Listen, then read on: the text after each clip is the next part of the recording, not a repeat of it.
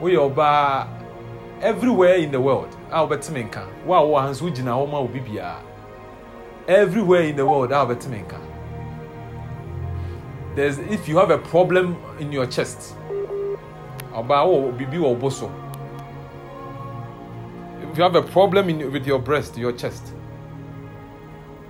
If you have a problem with your chest and to so and receive the touch of the Holy Spirit now. Just touch it. Or maybe a problem with your oboso, with your chest. Especially with right one. Whichever it is. It will be a so and the Lord, the Spirit of God is touching you right now. He's touching you right now. Receive your healing. Receive the touch of the Lord. You are whole. You are made whole.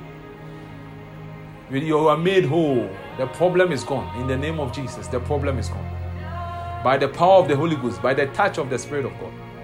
He's touching you. He's touching you. You are healed. You are whole. And already, when my kind, when you are operation, especially with left side, oyem oyem, why operation?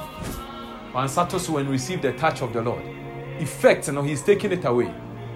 He's taking the effect away. Why operation or we operation or it's still having an effect on you. He's taking it away. He's taking it away from you. He's taking it away.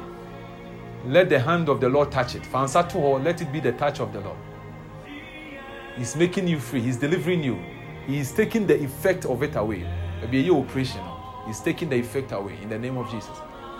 And okay, omfe, yeah, problem or omfe. If you stroke from or right side, omfe. Fansa to the Lord is touching you. The Lord is touching you. The Lord is touching you on your ribs, your ribs, your rib side. It's a whole straight, free stroke form. Your ribs, your ribs. The Lord is touching you. Your right side, the right side of your of your ribs, your right ribs. The Lord is touching you. Receive the touch of the Lord. Shadi Munto. Haya moshima. Heye de moshentea. Ike moshoto yomodo.